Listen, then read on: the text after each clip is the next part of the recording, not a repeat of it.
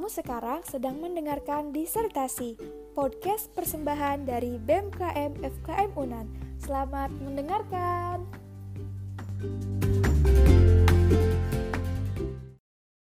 Hai guys, kembali lagi dengan podcast kita Disertasi, diskusi seputar informasi terkini. Nah, kan udah tadi dibahas kan Put ya tentang perspektif Gubernur Fakultas Kesehatan terhadap COVID-19 nih Put. Gimana tuh Put? Seru nggak pembahasannya tadi Put? Nah, seru dong Bill, kan menambah ilmu. Apalagi jawabannya dari masing-masing gubernur keren-keren nih. Eh ngomong-ngomong nih Bill, ada yang mau ditanya nggak? Ya, gini-gini Put, uh, Sabil mau nanya nih pendapat para gubernur tentang masyarakat yang menganggap corona ini nggak ada, gitu Put. Waduh, Gimana tuh, Bil? Jadi gini nih, Pak Gubernur semua. Sabil kebetulan mau nanya sesuatu nih. Boleh nggak, Bang? Ya, Boleh. silakan, silakan. Apa tuh? Hmm, Jadi kan tempat di Kampung Sabil itu tuh pasarnya kan lumayan ramai. Biasanya kan di sana kan tempat pencarian COVID ini kan. Cuman itu sehari aja gitu. Dan itu pun para relawan pekerjaan yang di sana, tenaga kerja kesehatan semua, itu nggak masuk ke dalam pasar atau segala macamnya.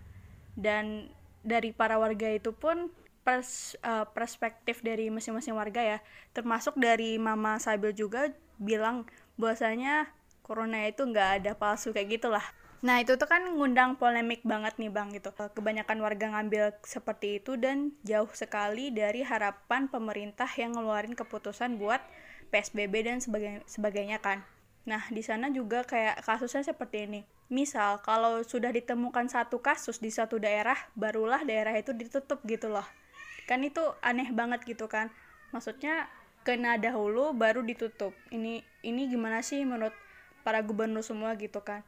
Termasuk e, dari segi ekonomi kita yang merosot banget karena memang benar pencaharian masing-masing para warga itu kan beda-beda gitu bang. Gimana tuh bang, Pak Gubernur masing-masing? Oh ya jadi kalau misalkan Hype lihat Nah, jadi sebenarnya kasus yang sama itu ada terjadi itu. Sabil ini domisilinya di mana nih? Padang Pariaman, itu tuh Lubu Alung. Padang Pariaman di Lubu Alung kan. Nah, jadi kalau Habib ini kan domisilinya ini di Andalas di Padang nih. Jadi di masjid yang ada di dekat rumah Habib ini itu kalau yang masuk itu harus pakai masker dan harus pakai sejadah karena itu peraturan yang ditetapkan oleh masjid oleh masjid pengurus masjidnya. Nah, jadi ada yang kasus yang sama nih kayak yang Sabil bilang tadi beberapa hari yang lalu gitu. Kok nggak salah, ada bapak ada bapak-bapak dia masuk nggak bawa masker, nggak bawa sajadah.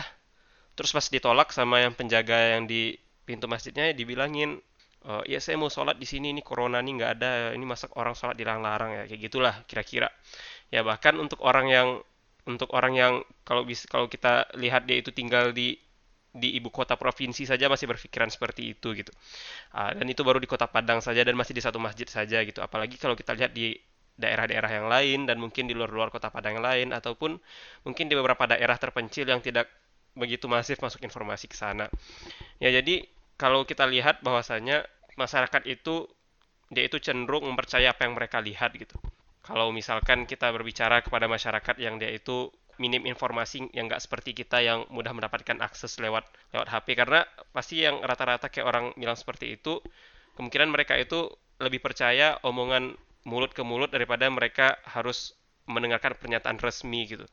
Nah, jadi terciptalah kondisi seperti itu. Ditambah lagi dengan corona ini tidak terlihat virusnya dan efeknya juga nggak kelihatan karena yang positif itu langsung dibawa kan. Jadi orang ini nggak kelihatan yang sakit ini sebenarnya siapa gitu dan lain-lain sampai mungkin nanti mereka bisa mendapatkan dan merasakannya sendiri gitu. Ya jadi sebenarnya itu adalah salah satu tantangan pemerintah sebenarnya karena kita dengan penduduk yang uh, apa namanya yang beragam berjumlah 200 juta orang lebih ini tidak semuanya itu yang yang mudah dalam mendapatkan akses informasi gitu karena kalau menurut Habib hal itu merupakan poin tersulit pemerintah di mana bisa meyakinkan Eh, orang-orang seperti itu untuk bisa kita itu menghadapi sesuatu yang genting gitu.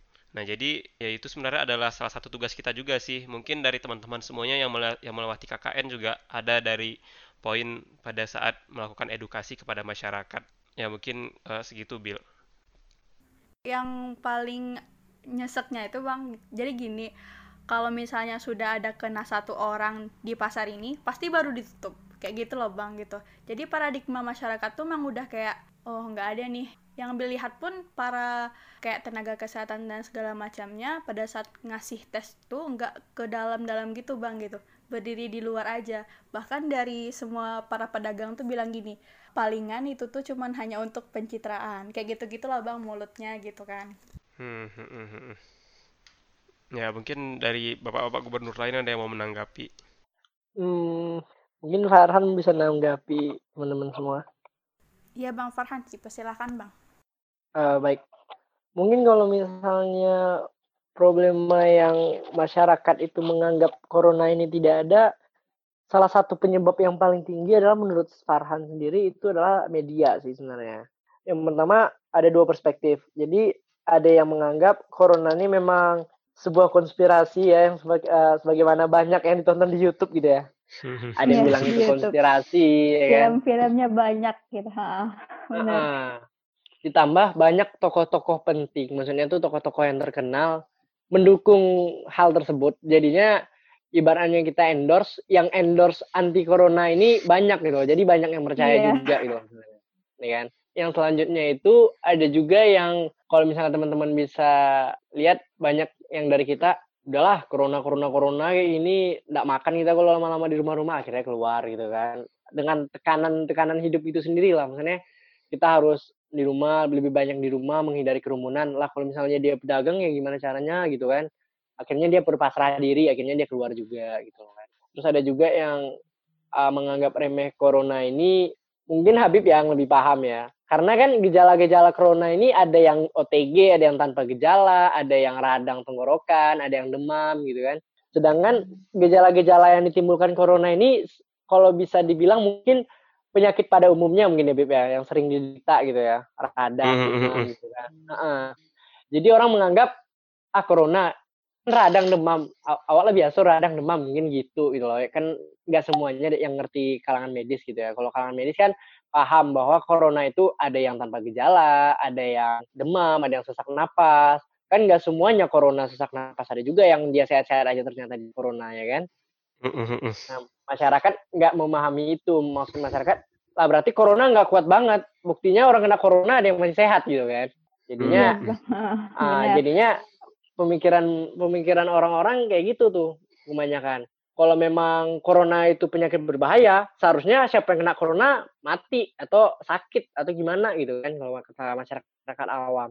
Jadinya orang menganggap remeh corona karena mungkin sering di sering dialami atau mungkin memang ada yang OTG, ada yang ini, jadi juga masyarakat juga tidak memahami itu ya. Mungkin perlu edukasi lebih mendalam, mungkin karena itu ya ada KKN tematik untuk mengedukasi masyarakat itu bahwa corona ini sebuah trap gitu. Dia tidak terlihat tapi dia bisa menjebak. Nah, mungkin gitu teman-teman semua. Ya itulah tantangan pemerintah kita dan usaha kita bersama juga bagaimana cara mengajarkan tata cara hidup bersih dan hidup sehat kepada masyarakat Indonesia ini. Karena penanganan di Singapura tidak mungkin sama dengan penanganan Indonesia karena kita adalah penduduk lima terbanyak salah satu lima terbanyak di dunia tambah dengan kultur-kultur yang berbeda. Gitu sih mungkin teman-teman. Karena yang saya lihat di, di daerah saya sendiri bahkan ada yang menganggap bahwa kalau kita ngomong berjauhan itu tidak sopan padahal kita mentaati protokol kesehatan. Cuman orang-orang yang awam menganggap itu kita tidak sopan. Kita tidak mau bersalaman kita tidak mau ngomong dekat kita harus pakai masker ngomong. Jadi edukasi itu sih yang paling kunci utama untuk mengatasi ini. Itu sih mungkin kalau dari Farhan. Baik Bang, terima kasih Bang Farhan. Masih boleh berpendapat nih, Bill? Oh boleh Bang, boleh banget. Kalau dari Abdul sih, benar sih dari dari teman dari Pak Gup Pak Gup tadi bilang gitu. Yang penting sekarang tuh edukasi dan itu memang sangat penting karena kita tahu masyarakat kita pendidikan itu beragam ya. Ada yang pendidikan tinggi, ada yang pendidikan rendah. Bahkan pendidikan tinggi pun masih menganggap sepele corona ini. Padahal kan sebenarnya nggak sesepele itu, nggak sesepele yang kata penganut penganut teori konspirasi bilang. Dan menurut Abdul sendiri, hal penting yang harus dilakukan dengan kondisi saat ini itu adalah ketegasan pemerintah. Harusnya pemerintah saat ini melakukan mengeluarkan regulasi-regulasi yang tegas gitu. Bukan hanya sekedar himbauan-himbauan aja.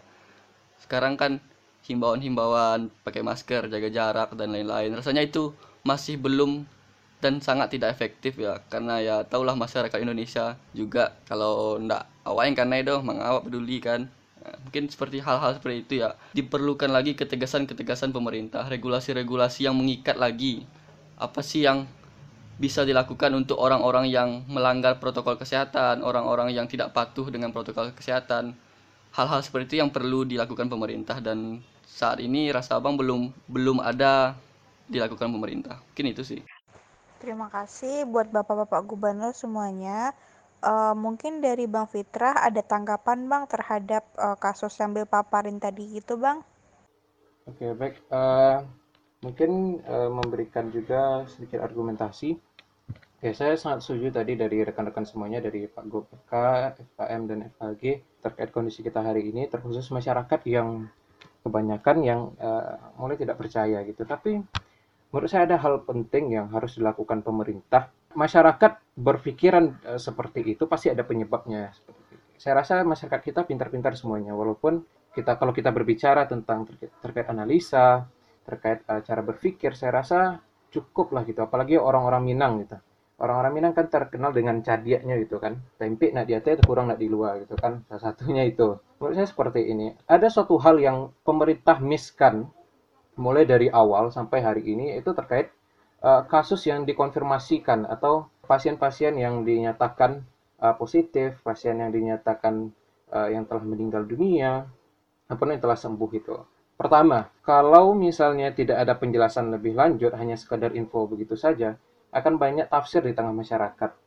Salah satunya ini, saya saya masih KKN hari ini, dan saya pernah ditanyakan oleh se seorang tetangga saya, bahwasanya yang meninggal COVID itu ada sebagian besar ya, kita tidak tahu apakah ini meninggalnya karena 100% COVID atau ada komorbid lainnya atau penyakit penyerta lainnya gitu. Pernyataan ini seperti itu, eh, pernyataan-pernyataan seperti itu sering dilontarkan dan saya juga tidak bisa menjawab keterbatasan informasi juga sekali lagi saya juga tidak tahu berapa persen eh, orang-orang yang pure 100% terkena COVID, kematiannya kausanya karena COVID dan berapa persen orang yang benar eh, penyakitnya itu disebabkan oleh uh, penyakit penyertanya gitu. Jadi informasi-informasi seperti ini seharusnya pemerintah keluarkan gitu. Sehingga kalau benar uh, kebanyakan dari pasien tersebut 100% COVID, masyarakat akan percaya gitu.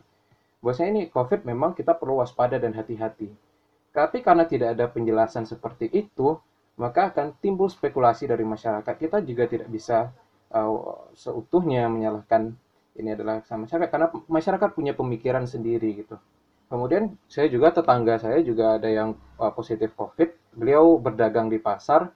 Kemudian uh, beliau bercerita kan selama dirawat, selama melakukan terapi dikatakan bahwasanya dia hanya diberikan vitamin C gitu. Nah, dan apa beredarlah cerita bahwasanya ya, dia sebenarnya nggak sakit kok dia nggak sakit covid gitu kan buktinya dia cuma diberikan vitamin C gitu dan ya hal-hal yang seperti itu yang mungkin uh, yang perlu selain kita mahasiswa yang KKN dan para cendekiawan, para dosen-dosen kita atau para ilmuwan yang menyatakan ini, pemerintah juga harus karena menggalang opini masyarakat itu diperlukan power yang kuat dan power yang kuat itu berada di tangan pemerintah menurut saya. Oke, baik menurut saya demikian. Terima kasih. Uh, diberikan kepada moderator. Terima kasih kepada Bapak-Bapak Gubernur buat jawaban yang luar biasa masing-masingnya gitu. Mungkin dari Putih atau dari para gubernur yang lain ingin bertanya atau ingin menambahkan, silahkan. Ya, menambahkan sedikit lagi, Bill. Ya, Bang. Boleh, Bang. Ya, cukup menarik juga yang dikatakan oleh teman-teman tadi. Yang pertama itu dari emang dari gejalanya itu ya emang COVID ini tidak tidak semua orang kan gejalanya itu sama gitu karena dia itu adalah virus dan virus itu cenderung tidak ada obatnya gitu kalau dalam dalam dunia farmasian atau dunia kesehatan lah. Karena yang namanya virus itu berbeda dengan bakteri yang ada antibiotik. Dia itu memang salah satu ya pertahanan itu adalah dari sistem imun kita itu sendiri gitu selain ada obat-obatan yang bisa memperkuatnya gitu membunuh spesifik virus. Sedangkan kalau untuk coronavirus ini belum ada spesifik obatnya gitu. Nah jadi e, seperti yang dikatakan oleh Fitrah tadi gitu dia itu sakit dan cuma diberi vitamin C gitu Ya karena memang sampai sekarang saja dari jurnal-jurnal luar negeri dan dari mana pun itu belum ada kayak memang suatu penelitian yang mengatakan bahwasanya suatu obat itu efektif gitu untuk membunuh coronavirus gitu. Kalau kita dengar kemarin dari FKUNR ada mengeluarkan kayak ini list obat-obatan gitu yang efektif untuk membunuh coronavirus. Sedangkan di luar negeri itu ada dari beberapa obat-obatan tersebut yang sudah terbukti gitu tidak tidak berpengaruh terhadap orang coronavirus. Jadi memang yang bisa dilakukan pada orang-orang yang dirawat yang cenderung tanpa gejala itu ya diperkuat sistem imunnya yaitu dengan tadi diberi vitamin C dan diberi makan makanan yang cukup gitu. Dan yang buat sedih juga kemarin itu pada saat ada yang mengatakan bahwasanya di medsos itu rame, dia di, dibilang oleh seorang dokter, dia kalau mau menandatangani surat bahwa dia kena COVID, dia bakal diberikan uang sekian gitu. Ya menurut Habib juga itu adalah suatu suatu permainan pikiran yang dibuat oleh orang-orang tidak bertanggung jawab gitu. Sedangkan rumah sakit saja untuk mengurus satu orang pasien COVID itu bisa keluar sampai ratusan juta. Kemarin pada saat diskusi dengan BPJS, mereka bilang bahwa saya ada orang di era Sidin yang dirawat seminggu itu habis duit untuk dia 350 juta gitu. Ya dari mana mereka bisa dapat untung gitu? Kalau rumah sakit saja bahwasanya mereka harus menalangi duit sendiri duit, duit sendiri dulu untuk mengobati pasien tersebut gitu. Ya, kalau kita berbicara masalah edukasi ini sebenarnya masalah yang cukup pelik gitu karena akan sangat sulit sekali untuk mencari jalan keluarnya gitu. Ya mungkin yang sebisa mungkin yang kita lakukan sekarang adalah kita berusaha sebisa mungkin Contohnya dengan KKN yang seperti lama ini sudah kita lakukan. Ya mungkin segitu dikembalikan kepada Sabil. Terima kasih atas tambahannya Bang Habib. Mungkin dari Putih ada ingin yang mau ditanyakan Put? Nah, bagaimana nih tanggapan abang-abang sekalian mengenai kalung antivirus? Sebenarnya bagaimana sih? Terus e, mengenai vaksin yang jadi gonjang-ganjing hari ini, bagaimana menurut tanggapan abang mengenai e, hal tersebut? Mungkin disilakan kepada Bang Fitrah dulu. Ya baik, terkait kalung anti corona, sebenarnya ini nggak perlu dosen untuk yang berkomentar terhadap ini. Kita saja sebagai mahasiswa, kalau saya pribadi cukup tergelitik akan hal ini gitu rekan-rekan sekalian. Mengapa? Karena saya tahu yang pertama itu yang Habib bilang tadi kan terkait virus. Virus itu kan penyakit yang uh, kita tahu virus kalau dalam tubuh organisme kan dia akan hidup, kalau di luar dia akan uh, bertindak sebagai benda mati gitu. Kalau menurut saya, kalung anti corona yang dikeluarkan oleh pemerintah ini evidence-nya tidak kuat gitu karena tidak ada penelitian uh, yang menyatakan bahwasanya ini benar-benar ampuh untuk membunuh corona. Kecuali yang saya baca ya dari ini dari Kementerian Pertanian ya. Kalau dari Kementerian Pertanian itu mengatakan bahwa zat yang ada dalam kalung anti corona itu yang membunuh corona gitu dan zat itu akan aktif akan berfungsi untuk membunuh virus jika ditempatkan pada virus tersebut gitu. Sedangkan ini um, zat ini ditaruh pada dada kemudian uh, yang keluar itu kan aromanya gitu dan itu yang akan menghalangi virus. Ya, kalau logisnya itu tidak akan tidak akan bisa itu rekan-rekan sekalian. Bisa membunuh virus uh, melalui uh, aroma yang dikeluarkan oleh kalung tersebut. Ya, menurut saya demikian karena tidak ada evidence base yang yang kuat terkait anti corona ini. Dan yang sangat saya sayangkan ialah ini dikeluarkan oleh pemerintah gitu terkhusus Kementerian Pertanian. Uh, saya tidak tahu latar belakangnya seperti apa. Yang jelas kalau mereka bilang ini kan tujuannya untuk berupaya mengatasi corona ini. Tapi kalau saya lihat dari sisi lainnya karena kita harus melihat dari berbagai sisi gitu kan rekan-rekan sekalian uh, saya lihat dari sisi lain dari keluarnya uh, kalung anti corona ini dari pemerintah ialah mungkin saya rasa Kementerian Pertanian berusaha untuk uh, menenangkan masyarakat gitu dengan virus kalung anti corona ini. Tapi kalau benar seperti itu, saya rasa tidak bijak rasanya pemerintah menenangkan masyarakat dengan hal-hal yang bersifat kalau boleh saya mengatakan tidak mencerdaskan gitu.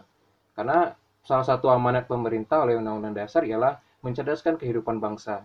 Dan kalau itu digunakan oleh pemerintah uh, dalam rangka untuk mengatasi ini dan saya rasa itu tidak mencerdaskan uh, masyarakat dengan adanya ini gitu rekan-rekan sekalian dan terlebih lagi jika ini di, tetap disabarluaskan tanpa adanya edukasi memakai masker dan segala macam maka ini akan cukup berbahaya jika ini tetap diteruskan rekan-rekan ya, mungkin kalau terkait kalung anti corona seperti itu menurut pandangan saya. Sedangkan menurut vaksin uh, tentang vaksin ialah kalau vaksin yang saya yang saya baca ialah bahwasanya uh, vaksin-vaksin ini sudah di apa sudah dikembangkan, sudah dilakukan riset lebih lanjut. Uh, dan juga di Indonesia juga melakukan awalnya itu mungkin Eijkman ya yang menginisiasi ya. Yang pertama mengenali mengenali uh, rangkaian protein pada virus tersebut kemudian dilanjutkan oleh Bio Farma. Tapi ya saya masih kurang data rekan-rekan sekalian apakah benar-benar Indonesia membuat vaksin ini secara mandiri, saya kurang tahu. Tapi kalau di negara lain mereka benar-benar uh, telah mengembangkan vaksin ini. Dan yang menjadi tantangan dalam pembuatan vaksin ini ialah bahwasanya ini spesimen vaksin dari Cina, dari Wuhan dengan spesimen yang ada di Indonesia berbeda. Karena perbedaan itu memungkinkan virus untuk berevolusi. Jadi salah satu tantangannya ialah uh, virus ini berevolusi. Dan sehingga vaksin yang untuk cocok dengan virus ini tentu akan lebih sulit dibuatkan itu rekan-rekan. Ya menurut saya demikian rekan-rekan sekalian. Tapi yang saya tahu untuk Indonesia sendiri masih berupaya untuk membuat vaksin ini. Tapi saya tidak tahu apakah uh, benar-benar mandiri membuatnya atau ada stakeholder lainnya yang membantu dari luar negeri saya kurang tahu. Tapi tidaknya sudah ada upaya untuk membuat vaksin ini dan itulah tantangan-tantangannya dalam membuat vaksin oke okay. uh, menurut saya demikian Nah, Putih setuju nih dengan Bang Fitra bahwa e, sebenarnya vaksin atau kalung antivirus itu kebanyakan itu lebih ke menggiring opini dari masyarakat. Nah, yang menjadi pertanyaan terbesar Putih Bang, apakah kira-kira vaksin itu memang bisa dibuat secepat itu? Nah, menurut Abang bagaimana? Oke, baik. Kalau yang saya tahu ya rekan-rekan, eh, saya menjawab sepengetahuan saya. Kalau untuk membuat vaksin itu kan banyak metode-metode apa banyak langkah-langkah yang harus ditempuh. Mulai dari penemuan obatnya ya ke penemuan zat aktifnya kemudian diujikan kepada secara in vitro kemudian pada makhluk hidup yang bukan manusia seperti mencit tikus ya. Kemudian dilakukan terhadap manusianya uji klinis ada tahap 1, 2 dan 3 dan kalau dihitung kalau dari segi biaya itu sangat sangat sangat luar biasa mahal kemudian kalau dihitung dari segi waktu itu sangat cukup lama gitu kan. Bahkan ada vaksin yang ditemukan dalam waktu 16 tahun, ada yang ditemukan dalam waktu 8 tahun. Ya karena kendalanya tadi itu rekan-rekan sekalian, kecocokan antara vaksinnya dengan virus tersebut gitu. Jadi banyak kendala yang uh, dihadapi dalam penemuan kalau di sini kan bisa kita sebut obat drug drug uh, discovery-nya. Jadi dalam penemuan ini cukup banyak tantangannya gitu rekan selain dari uh, waktunya juga objek yang ditelitinya gitu kan dalam hal ini vaksin. Oke, uh, dari saya menurut saya demikian itu. Nah, kalau memang uh, vaksin itu dibuat dengan jangka waktu perlu 16 tahun, nah menurut Bang Habib sendiri, bagaimana sih sebenarnya seharus uh, masyarakat atau pemerintah itu, apakah memang coronavirus itu akan keduluan jadi common cold sebelum dijadikan, sebelum adanya vaksin tersebut? Oke, jadi ya seperti yang dikatakan oleh Fitrah tadi, kalau bahwasanya untuk vaksin itu membutuhkan waktu yang cukup lama untuk dibuat gitu kan. Dan juga sebenarnya ada stigma yang jelek juga sebenarnya di masyarakat kita tentang vaksin ini. Mungkin teman-teman pernah dengar ya kayak vaksin itu bisa membuat uh, anak yang menjadi cacat. Ada juga itu berta, apa namanya beberapa masyarakat kita tuh yang belum percaya akan vaksin tersebut yang katanya vaksin itu adalah konspirasi juga gitu. Nah, terlepas juga sebenarnya vaksin itu dibutuhkan gitu dalam khususnya dalam kondisi pandemi seperti corona ini karena sampai kapan pun virus ini itu tidak akan pernah hilang. Kalau kita lihat dari indeks pen, indeks penyebarannya itu yang cukup tinggi dari corona ini. Bahkan dia itu lebih tinggi daripada flu burung, daripada SARS yang sempat juga menghebohkan beberapa waktu yang lalu gitu. Karena kalau tidak kita ciptakan uh, herd, herd immunity, jadi mungkin eh, teman-teman juga pernah mendengar kemarin herd immunity kan. Jadi herd immunity itu singkatnya itu bisa ditempuh dalam dalam dua cara gitu. Uh, yang pertama itu adalah dengan menginfeksi semua orang sehingga nanti tidak ada lagi yang bisa diinfeksi jadi virusnya tereliminasi sendiri atau kita menginfeksi sekunder dengan vaksin tersebut sehingga kita itu seolah-olah sudah sakit jadi pada saat virus itu masuk dia tidak tidak ada lagi tempat untuk bisa men, uh, mencari inang gitu. Nah, jadi kalau misalkan virus ini tidak ada vaksin ini, ya maka ini akan seperti HIV gitu. Karena HIV itu sejatinya dulu pada saat dia pertama kali ditemukan di Afrika kalau nggak salah itu adalah uh, ditetapkan sebagai sebagai suatu pandemi mendunia gitu yang sampai sekarang tidak pernah hilang karena dia itu tidak tidak bisa retrovirus itu dicari vaksinnya gitu ya mungkin saja nanti corona ini bisa seperti itu gitu karena kalau tidak ditemukan vaksinnya dalam uh, waktu-waktu ke depan. Jadi kalau misalkan tidak ditemukan vaksinnya ya berarti kita harus hidup berdamai dengan corona gitu. Kecuali nanti kalau misalkan ditemu, ditemukan vaksinnya kita bisa menekan penyebarannya seperti virus polio atau virus pes yang sekarang sudah hilang. Ya mungkin begitu. Terkait dengan pembahasan Bang Habib barusan, bisa jadi nanti peredaran COVID-19 ini dikaitkan dengan HIV, di mana hanya ditemukan obat untuk memperpanjang usia, tapi bukan obat untuk mengobatinya. Nah, menurut Bang Farhan sendiri bagaimana, Bang?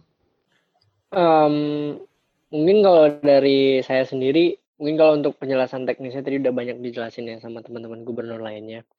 Cuman yang menarik tadi yang dibalas yang dibahas oleh Pak Gub FK tadi tentang herd immunity. Kita tahu sepertinya seperti negara Swedia kalau nggak salah saya itu dia sudah menerapkan herd immunity pada awal COVID gitu yang yang saya dapat ya infonya.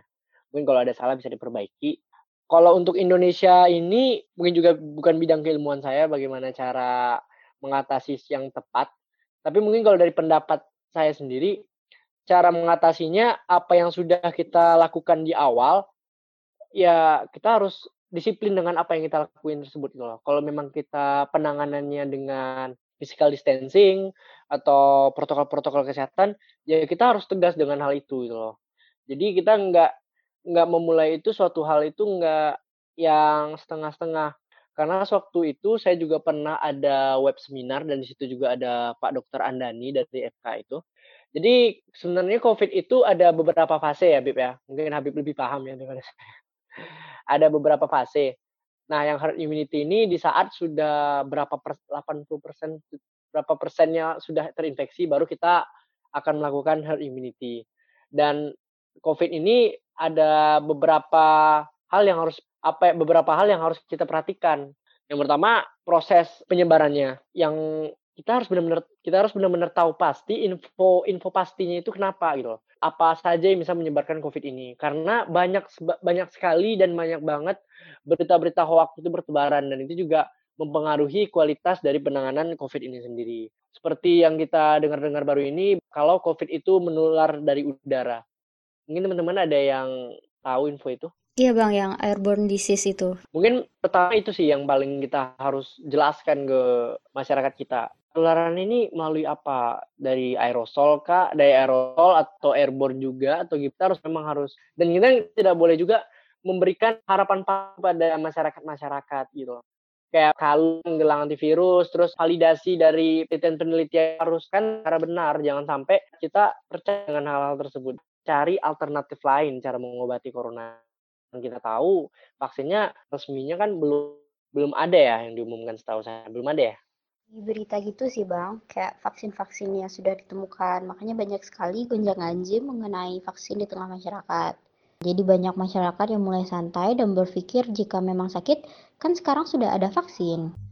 Nah, di situ tuh poinnya. Bahkan kalau misalnya teman-teman baca di berita-berita ya, kalau misalnya selalu update berita-berita, uh, bahkan kemarin ada yang Unsri sudah menemukan obat COVID dan sudah di sudah di, diberikan kepada Gubernur Sumsel. Ada juga yang dari tim peneliti UNAIR dan ada juga dari peneliti Amerika, China, India. Kan banyak tuh ya bersebaran tentang vaksin COVID ini kan. Jadi masyarakatnya juga yang pertama yang tahu-tahu setengah-setengah ya udahlah, udah ada udah ada ininya kok, udah ada udah ada obatnya. Karena kita tahu teman-teman, media itu penulisannya pasti maaf kata ya sedikit sedikit mungkin ada yang berbeda, mungkin ada juga yang benar, ada juga yang berbeda Terkadang ada yang headline headline itu obat COVID sudah sudah ditemukan. Nah, masyarakat hanya membaca itu, tidak membaca penjelasan yang lain. Menjelaskan hanya membaca headline obat COVID sudah ditemukan. Padahal di dalam di dalam penjelasannya obat COVID itu sudah ditemukan uh, baru dalam penelitian tahap ini, tahap ini, tahap ini. Kan ada penjelasannya itu kan teman-teman semua. Nah, kebanyakan masyarakat baca hanya headline tersebut. Obat COVID sudah ditemukan ya, ya udah gitu loh.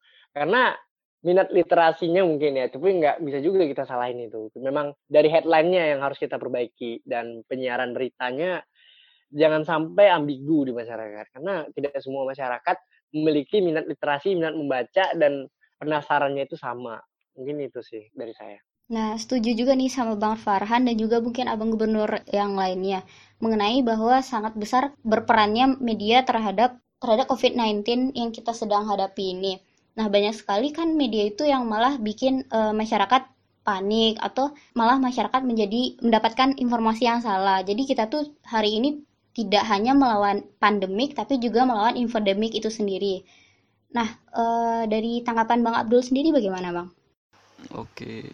Mungkin tadi udah dijelaskan ya lumayan lengkap, lumayan ring, lengkap dan ringkas dari Bapak-bapak Gubernur Kedokteran dan Farmasi tadi dari FKG juga.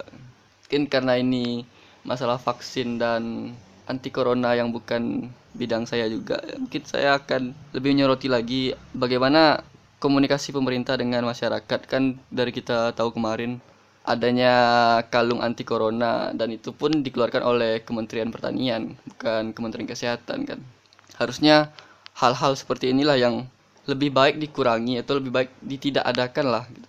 agar masyarakat yang sebelumnya sudah mulai tidak percaya dengan pemerintah dengan hal ini yang mungkin akan lebih tidak percaya lagi gitu. Masyarakat itu butuh sesuatu yang benar-benar bisa membuat mereka tenang bukan sekedar apa ya janji-janji aja seperti yang udah dibahas tadi gitu. Kalung anti corona itu sebenarnya nggak efektif juga untuk penanganan COVID-19 ini hal-hal seperti itu sih harapannya bisa dikurangi oleh pemerintah apalagi di masyarakat kita yang sudah mulai nggak percaya lagi dengan pemerintah. Dan harusnya kan sekarang nih pemerintah tuh terlalu banyak yang ngomong kan. Yang yang pengetahuan Abdul ya pendengar Abdul juga terlalu banyak yang ngomong. Kementerian Pertanian ngomong kesehatan ngomong perhubungan ngomong semuanya bahas COVID-19 dan masyarakat itu bingung siapa sih yang harus dipercaya? Apa sih informasi yang bisa kita pakai? Apa sih informasi yang sebenarnya itu jadi masyarakat tuh bingung mana sih yang benar harusnya dan sebaiknya pemerintah itu lebih lagi dalam komunikasi komunikasinya dengan masyarakat kurangilah dagelan-dagelan seperti ini gitu kalung anti corona yang sebenarnya nggak efektif tapi tetap di, diumbar juga ke masyarakat ya dan sepertinya itu agak kurang bijak seperti kata Pak Gub Farmasi tadi untuk disebarluaskan ke masyarakat. Mungkin itu aja sih. Put. Nah, dari tanggapan gubernur masing-masing bagaimana? Apakah ada yang ingin menambahkan? Atau jika tidak, Sabil ada ada tambahan atau tanggapan? Oh, tidak Put. Alhamdulillah sudah cukup. Semuanya Put spektakuler banget semua bahasanya tuh keren-keren kan ya. nah, kita kan di penghujung waktu nih, Put. Nah, sekarang kita minta kepada Bapak-bapak gubernur kita untuk memberikan closing statement kepada kita semua pendengar podcast malam hari ini. Yang mana kita sendiri sebagai mahasiswa yang sekarang sedang belajar daring pasti membutuhkan dorongan agar semua yang kita lakukan itu bisa kita laksanakan secara maksimal ya kan Put ya kepada Bapak-Bapak Gubernur kita, kita persilahkan untuk memberikan closing statementnya. Nah, silakan untuk Gubernur mungkin dari Bang Abdul dulu deh. Mungkin nggak banyak-banyak aja ya. Untuk pendengar disertasi atau orang-orang yang mendengarkan podcast kita hari ini mungkin kita saling menjaga diri aja, saling mengingatkan apa yang dikeluarkan oleh pemerintah kita patuhi sama-sama. Jangan kebanyakan ngeyel, jangan jangan sok-sokan lah gitu patuhi segala protokol kesehatan kurang-kurangi main keluar dan tetap semangat karena kita gen generasi corona lah saat ini diuji dengan ini dan kita tahu kan semua orang tuh diuji dengan batas kemampuannya masing-masing ya dan saya rasa kita semua bisa melalui ini bersama-sama dan semoga pandemi COVID-19 ini cepat berakhir. Mungkin sekian aja, Bill. Baik Bang Abdul, makasih Bang. Selanjutnya kita kepada uh, Bang Fitrah. Oh gitu, oke baik. Uh, kalau misalnya untuk rekan-rekan teman-teman mahasiswa, uh, jadi kalau menurut saya ya kita berada dalam kondisi di mana uh, serba salah gitu rekan-rekan sekalian. Pemerintah uh, serba salah juga masyarakat juga serba salah uh, bahkan tidak hanya lingkup negeri kita saja bahkan WHO pun sering juga salahnya gitu. Dan ya semuanya serba salah gitu rekan-rekan. Dan ya kalau kita ambil pusing ini maka kita yang akan jadi susah sendiri gitu rekan-rekan. Ya seperti yang Pak Gop FKG bilang tadi ya saya, ya, saya sangat setuju itu bahwasanya ya yang kita lakukan ya lakukan apa yang bisa kita lakukan semaksimal mungkin gitu. Ya melakukan hal-hal yang mungkin sifatnya sederhana tapi sangat bermakna bagi lingkungan kita bagi teman-teman kita bagi keluarga kita gitu. Dan ya ya kita sebagai mahasiswa mungkin itu yang bisa kita lakukan dan ya, adapun kritik-kritik yang yang disampaikan itu ya dalam rangka untuk kebaikan kita bersama. Dari saya sekian. Terima kasih kepada Bang Fitra. Selanjutnya kita berikan kepada Bang Farhan. um, mungkin sebagai mahasiswa mungkin kita bisa menempatkan diri sebagai kita ini adalah aset aset masa depan dan kita juga salah satu pejuang yang ada di garda terdepan pada saat COVID ini. Yang harus kita pikirkan sekarang adalah bukanlah bagaimana kita menuntut menuntut A, menuntut B, menuntut C.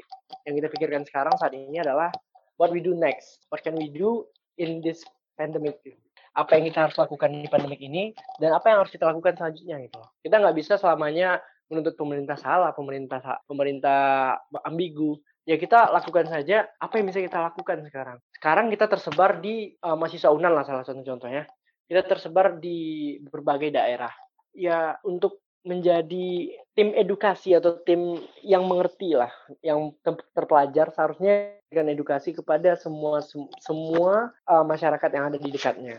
Misalnya saudara tadi, saudara Sabil tadi di Lubuk Alung, mungkin bisa salah satu orang yang ngajak masyarakat-masyarakat Lubuk Alung untuk protokol kesehatan. Begitu juga teman-teman yang lainnya.